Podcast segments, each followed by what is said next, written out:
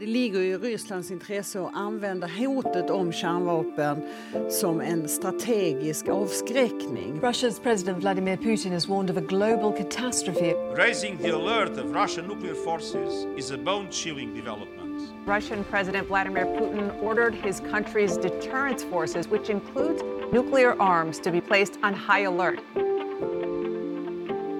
Välkommen till Researching Peace, en podcast från Uppsala universitet och institutionen för freds och konfliktforskning.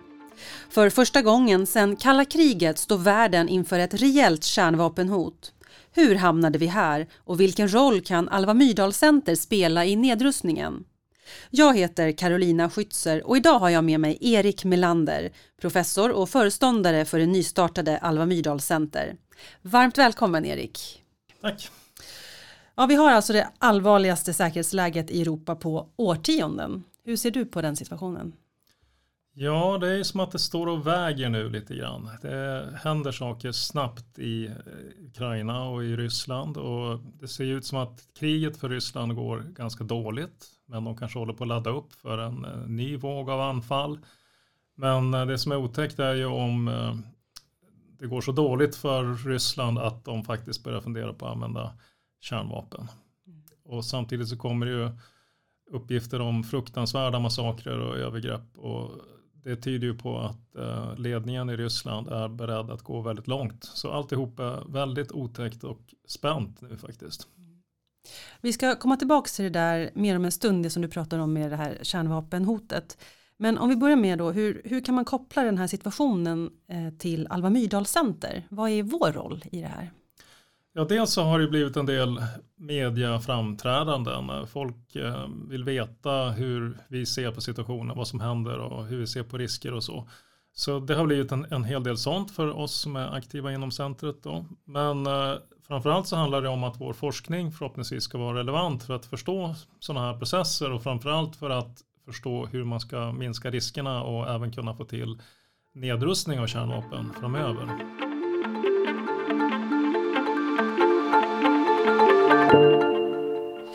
Alma Alva Myrdal Center startade ju ganska nyligen. Ehm, kan du berätta lite vad, vad är Alva Myrdal Center för någonting? Ja, det är ett kunskapscentrum eh, vid Uppsala universitet eh, som är tvärvetenskapligt. Det involverar då forskare från olika ämnen. Och vår roll är eh, att framförallt att ta fram ny forskning om kärnvapennedrustning i vid bemärkelse, men även utbildning. Vi arrangerar kurser och inte minst då samverkan, den tredje uppgiften som alltså handlar om att eh, nå ut till resten av samhället utanför akademin och inte minst då också att lära oss av praktiker och civilsamhället och andra som har en massa kunskap och erfarenhet. Det finns ju många aktörer inom frågan kring kärnvapennedrustning eh, och eh, sådana som tar mer ställning också. Vad är skillnaden då med just med oss då med Alva Myrdal Center? Ja, vi är ju en, det är baserat på forskning eh, och eh, det är det som är grunden för allt vad vi säger och gör. Att det ska bygga på eh, forskning som då ska vara peer review, den ska gå ut i tidskrifter och akademiska förlag och så vidare. Och vi är ju inte politiska eller en think tank eller så, att vi driver en viss linje, eh, utan eh, vi eh, ska gärna uttala oss och ta ställning i, i debatten och berätta vad vi tror och vet. Men vi ska inte driva någon viss politisk linje i centrumets namn eller universitetets namn. Därför att vi är en del av Uppsala universitet som är en statlig myndighet och eh, det, bland statliga myndigheter så är det ju, det är regeringen och utrikesdepartementet som eh, bestämmer utrikespolitiken. Så det är dubbelt där alltså att å ena sidan så ska vi vara aktiva i debatten och säga vad vi tycker men då gör vi det i egenskap av individuella forskare och inte då som företrädare för eh, kunskapscentrumet eller universitetet. Mm. Och du fick ju då frågan om att bli föreståndare för alla Myrdal Center när det startade. Berätta lite, vem, vem är du? Vem är Erik Melander? Ja, jag är ju då professor i fredskonfliktforskning och eh, jag var tidigare prefekt, alltså chef för institutionen för fredskonfliktforskning. Och det var jag när, det började prata, när man började prata om att inrätta ett kunskapscentrum. Då var jag prefekt för institutionen och därför blev jag engagerad och att ta fram ett förslag på hur det skulle kunna se ut och så vidare. Så på den vägen är det att jag fick den rollen. Jag kom in i det här från början. Och i övrigt så, ja, jag har varit aktiv i fredskonfliktforskning i drygt 30 år. Eh, knuten till Uppsala universitet i princip hela tiden, men jag har också åkt ut till olika ställen, olika delar av världen, men kommit tillbaka då efter perioder utomlands och på andra ställen.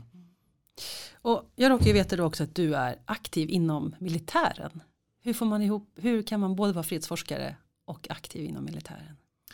Ja, jag är ju aktiv i hemvärnet då och eh, jag gjorde ju värnplikten en gång i tiden för länge sedan eh, och har även gjort eh, väpnad fredsbevarande tjänst i Bosnien. Eh, jag tycker inte det är någon motsättning i det alls, utan eh, vi som eh, håller på med fredskonfliktforskning, vi har väl alla någon slags normativ önskan om att främja fred. Fred är bra och vi hoppas att vår forskning på lång sikt och indirekt ska kunna bidra till en fredligare värld på något sätt. Men sen finns det ju ett helt spektrum av olika åsikter och ståndpunkter inom institutionen. Från de som är radikalpacifister och tycker att man ska vända andra kinden till i alla situationer. Mm. Till då de som tycker att eh, militärt våld kan vara berättigat i självförsvar och även för att hjälpa andra. Om vi går tillbaka till det som vi pratade om i början då, om läget idag med Ukraina och Ryssland. Skulle du säga att det finns ett reellt hot för att det skulle kunna bli ett kärnvapenkrig? Ja, det gör ju det. Jag tror att risken är väldigt liten, men den finns där. Och det är något som har blivit tydligt, eller mycket tydligare. Risken har ökat i och med kriget och de uttalanden som har varit i samband med kriget. Så det är en ny situation och det är faktiskt eh, chockerande skulle jag säga hur vi har gått från en, en eh, tidigare värld och vi visste att de här, det här sättet att tänka finns, de här vapnen finns och det finns allvarliga konflikter. Men helt plötsligt på de sista månaderna så har det ju blivit rejält på ett nytt sätt som är väldigt skrämmande. Mm. När man tittar på alla de här bilderna, de fruktansvärda bilderna nu som vi matas med via media så tror jag att det är många som tänker varför gör inte världen någonting? Och har det med det här att göra? Är det det här överhängande kärnvapen? Eller vad skulle du säga? Vad är förklaringen? Ja, jag tror att det är en väldigt viktig förklaring. Att eh, USA och NATO undviker i det längsta att gå i direkt konfrontation med eh, Ryssland. Därför att då tänker man att risken för att det ska eskalera, att det ska bli värre är för stor. Och då balanserar man ju det, tror jag, mot eh, hur viktigt det skulle vara att göra någonting mer aktivt eller hur hemskt är det som händer i Ukraina nu. Och det kan ju vara så att eh, i takt med att det avslöjas mer och mer om eh, de massövergrepp som sker så kanske NATO och USA omprövar det här beslutet och tänker att ja, men vi kanske kan göra begränsade direkta insatser mot Ryssland i alla fall. Så jag ser det som att det är en slags balans, men någonting som definitivt håller tillbaka USA och NATO, det är ju kärnvapenhotet. Mm. Om Ryssland skulle använda kärnvapen, på vilket sätt skulle de göra det då? Ja, man kanske tänker sig ett kärnvapenkrig, då kanske man i första hand tänker på ett massivt kärnvapenkrig då parterna använder alla sina strategiska kärnvapen och skjuter missiler från en kontinent till en annan och, och ödelägger eh, många stora städer och antagligen då skulle leda till hundratals miljoner döda. Men det är ju så att säga värsta mardrömsscenariot och, och det finns ju goda skäl att tro att alla sidor försöker undvika det i det längsta. Där vill man ju absolut inte hamna. Men det som då är något mer sannolikt, men ändå osannolikt skulle jag säga, men risken finns, därför måste man ta det på allvar. Det är ett begränsat användande av kärnvapen. Då talar man om taktiska kärnvapen istället för strategiska kärnvapen. De har kortare räckvidd och de har en mindre laddning, alltså de spränger mindre, orsakar mindre skada. Men de kan fort, fortfarande orsaka enorm skada. Och då tänker man sig att en sån användning av kärnvapen skulle kunna börja på ett relativt begränsat sätt, men fortfarande fruktansvärt och chockerande om det skulle hända. Men det skulle då vara som en slags eh, signal till den andra sidan att nu tänker vi, nu spränger vi det här kärnvapnet och eh, om ni inte nu backar tillbaka och ger mer då kommer det bli mer. Ett varningsskott kan man säga. Ja, men ett extremt varningsskott. Eh, det skulle kunna vara att man spränger ett sånt mindre kärnvapen över havet till exempel, där det inte är så många människor som skulle drabbas direkt. Um, det skulle också kunna vara riktat kanske mot något militärt mål, någon flygbas eller så. Då blir det ju fler som drabbas förstås. Eller ännu värre då om man skulle använda det mot en stad som en uh, väldigt allvarlig signal då. Och sen kan man tänka sig värre och värre scenarios. Men om Ryssland skulle göra det här då? Skulle NATO svara med, med liksom ett, en liknande? Ja, det är det man inte vet. Eh, rimligen så har ju då, ja, det är ju USA då i första hand som eh, bestämmer över sina kärnvapen och sen har ju Frankrike och Storbritannien har ju också kärnvapen. Men de har redan rimligen tänkt igenom vad de ska göra, eh, får man väl hoppas. Men vi vet inte och jag tror att det är meningen att det ska vara lite oklart. Man ska inte veta var de röda linjerna går någonstans för då, ska, då kan man så att säga utnyttja det och, och, pressa ända fram till precis under där den röda linjen går.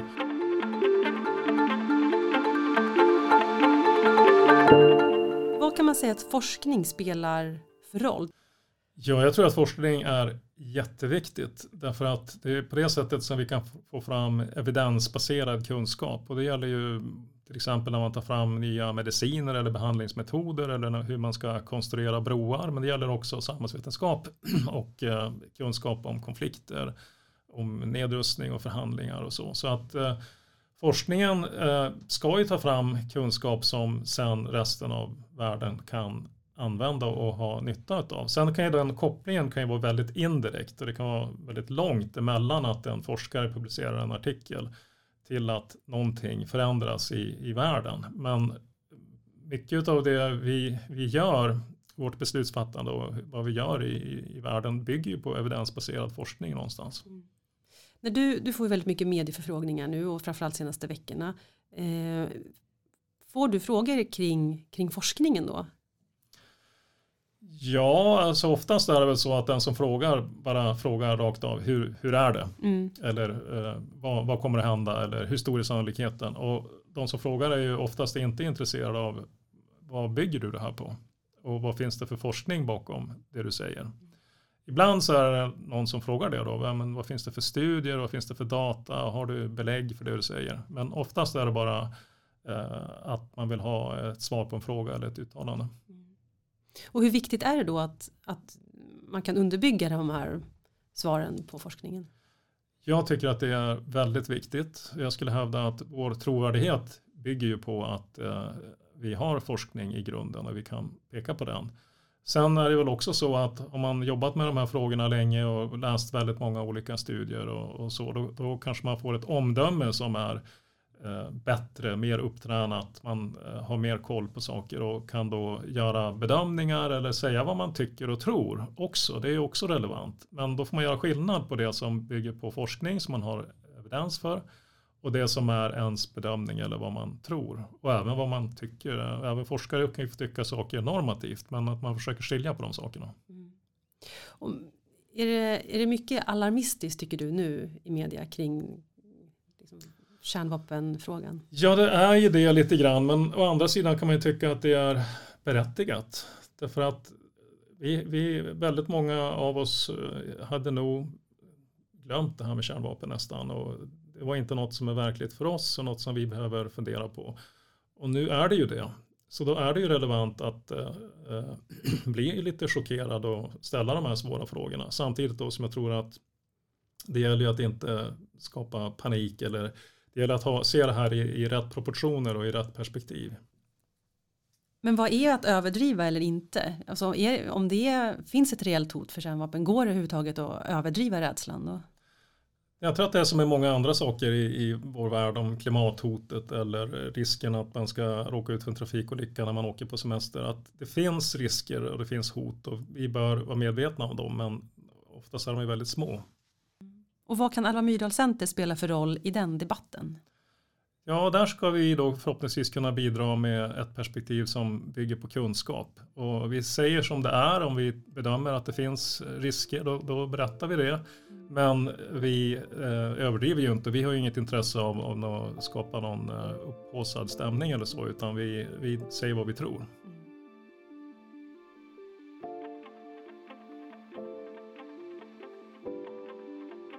De här flygplanen som flög över Gotland där det var prat om att de hade varit eh, rustade med kärnvapen.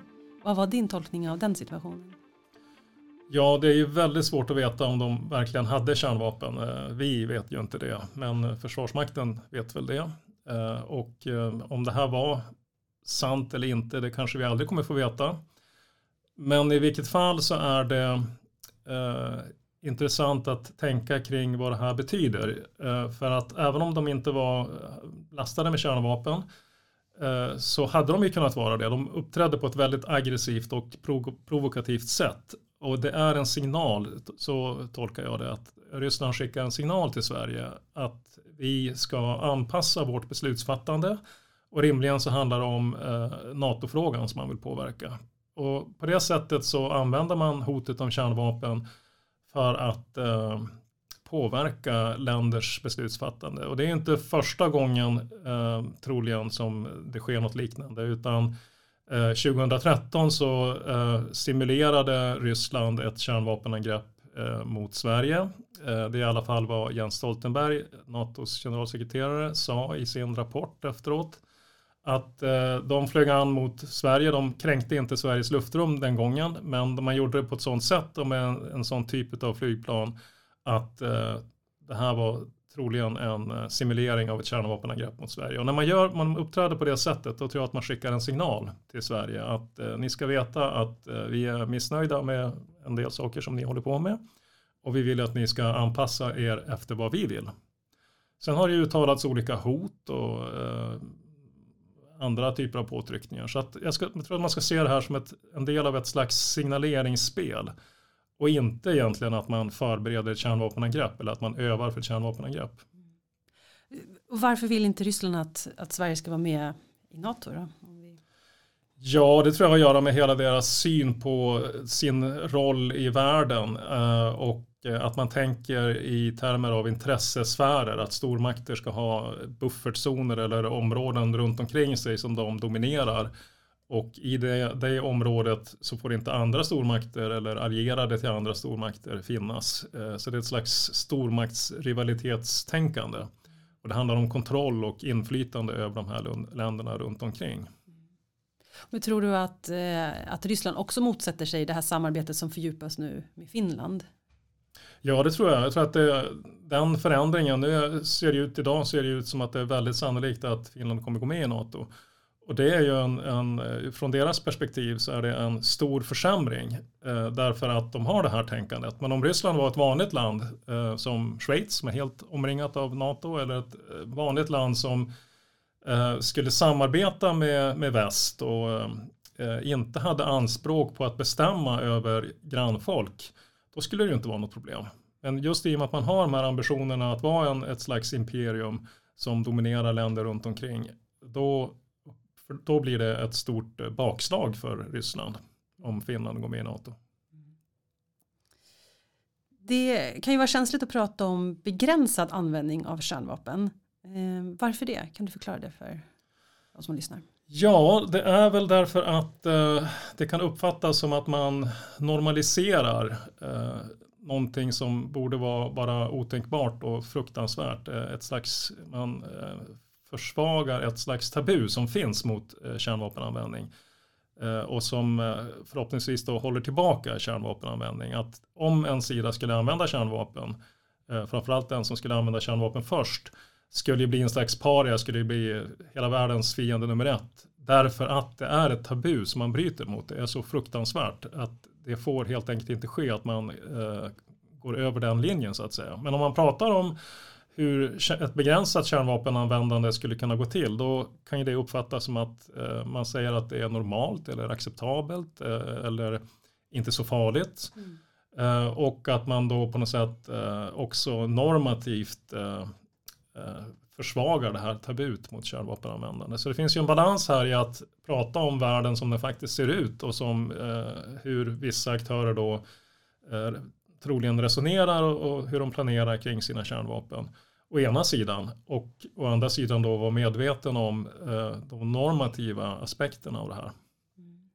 Det verkar inte som Ryssland är med i det här tänket om att det är paria, eller? Nej, eh, jag tror att de är medvetna om det och att eh, de naturligtvis också drar sig för att använda kärnvapen. Eh, Mm. De, de ska nog tänka sig för väldigt, väldigt noggrant.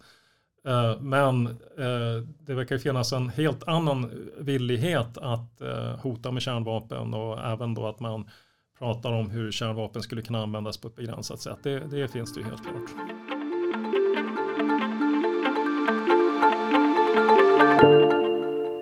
På Alva Myrdal Center då så finns det sex olika forskargrupper. Berätta lite mer vad de jobbar med. Ja, de jobbar då med olika aspekter utav eh, kärnvapennedrustning. Alltså vi tänker på kärnvapennedrustning i, i vid bemärkelse. Och vi tänker på hur kärnvapennedrustning kan komma till, alltså förutsättningarna för att det ska hända. Och då måste man förstå både varför stater skulle vilja ha kärnvapen och varför de skulle kunna tänka sig att avstå från kärnvapen. Sen nästa skede är själva nedrustningen eller förhandlingarna eh, och beslutsfattandet och avtalen eh, som är själva eh, kärnvapennedrustningen. Sånt händer. Och sen tredje skedet är då vad händer efteråt? Då blir det sådana frågor som hur man implementerar de här avtalen och inte minst då frågan om verifikation. Hur kan man veta att den andra sidan verkligen gör det de har sagt att de ska göra? Så att de inte säger nu har vi kassa för kärnvapen men inte har det. Mm. Precis, så det handlar ju väldigt mycket om brist på tillit och hur ska man kunna veta vad, att de andra gör det de har lovat att de ska göra.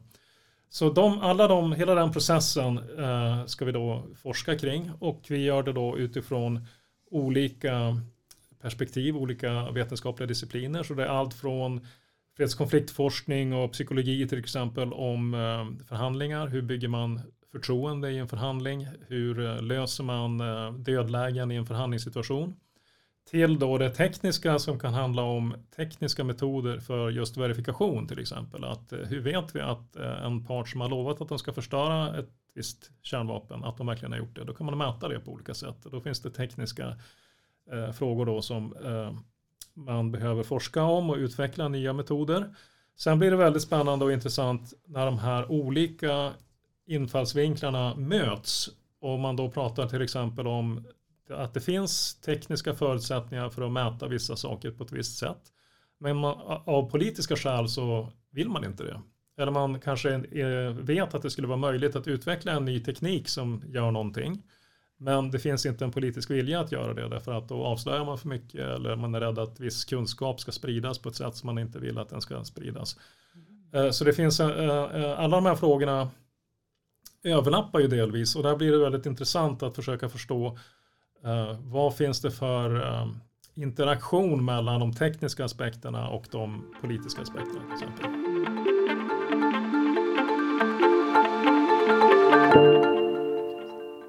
Vi tittar framåt nu är situationen med Ryssland och Ukraina och det här hotet om kärnvapenkrig som ligger ändå över världen. Eh, vad tror du kommer hända närmast där? Ja, det är ju väldigt svårt att, att bedöma. Men eh, det finns ju risk för att det kommer vara värre. Att det blir långvarigt och eh, det är mycket lidande och död som väntar. Eh, Någonting kan ju hända i Ryssland med, med den regimen eller eh, att det blir någon form av eh, uppror eller så. Det, det är väldigt svårt att veta.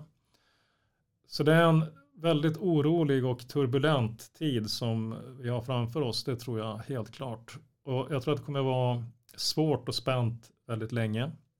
Men avslutningsvis då, betyder allt det här att det vi ser framför oss nu den närmaste tiden och närmaste åren är en situation som påminner om kalla kriget? Ja, det gör det på flera sätt. Sen finns det stora skillnader också. Men, men eh, jag tror att vi har levt nu i en period eh, som eh, det var som ett slags mellanspel där vi hoppades att världen skulle utvecklas i en riktning där det är mindre spänningar, mindre hot om kärnvapen och fredligare. Och det är ju fredligare fortfarande. Kalla kriget var mycket värre än vad det har blivit än så länge. Eh, och det tror jag att det kommer vara. Eh, jag tror inte vi kommer se sådana enorma krig som eh, Koreakriget och Vietnamkriget och så. Det kan hända. Och det kan också bli så att kärnvapen används som vi pratade om. Så riskerna finns där och vi är tillbaka i en situation som på många sätt påminner om kalla kriget. Men det finns också anledning att vara optimistisk att vi, ska, att vi kan hantera det här. Vi måste bara ta det på allvar. Erik Melander, tusen tack för att du var med i Researching Peace.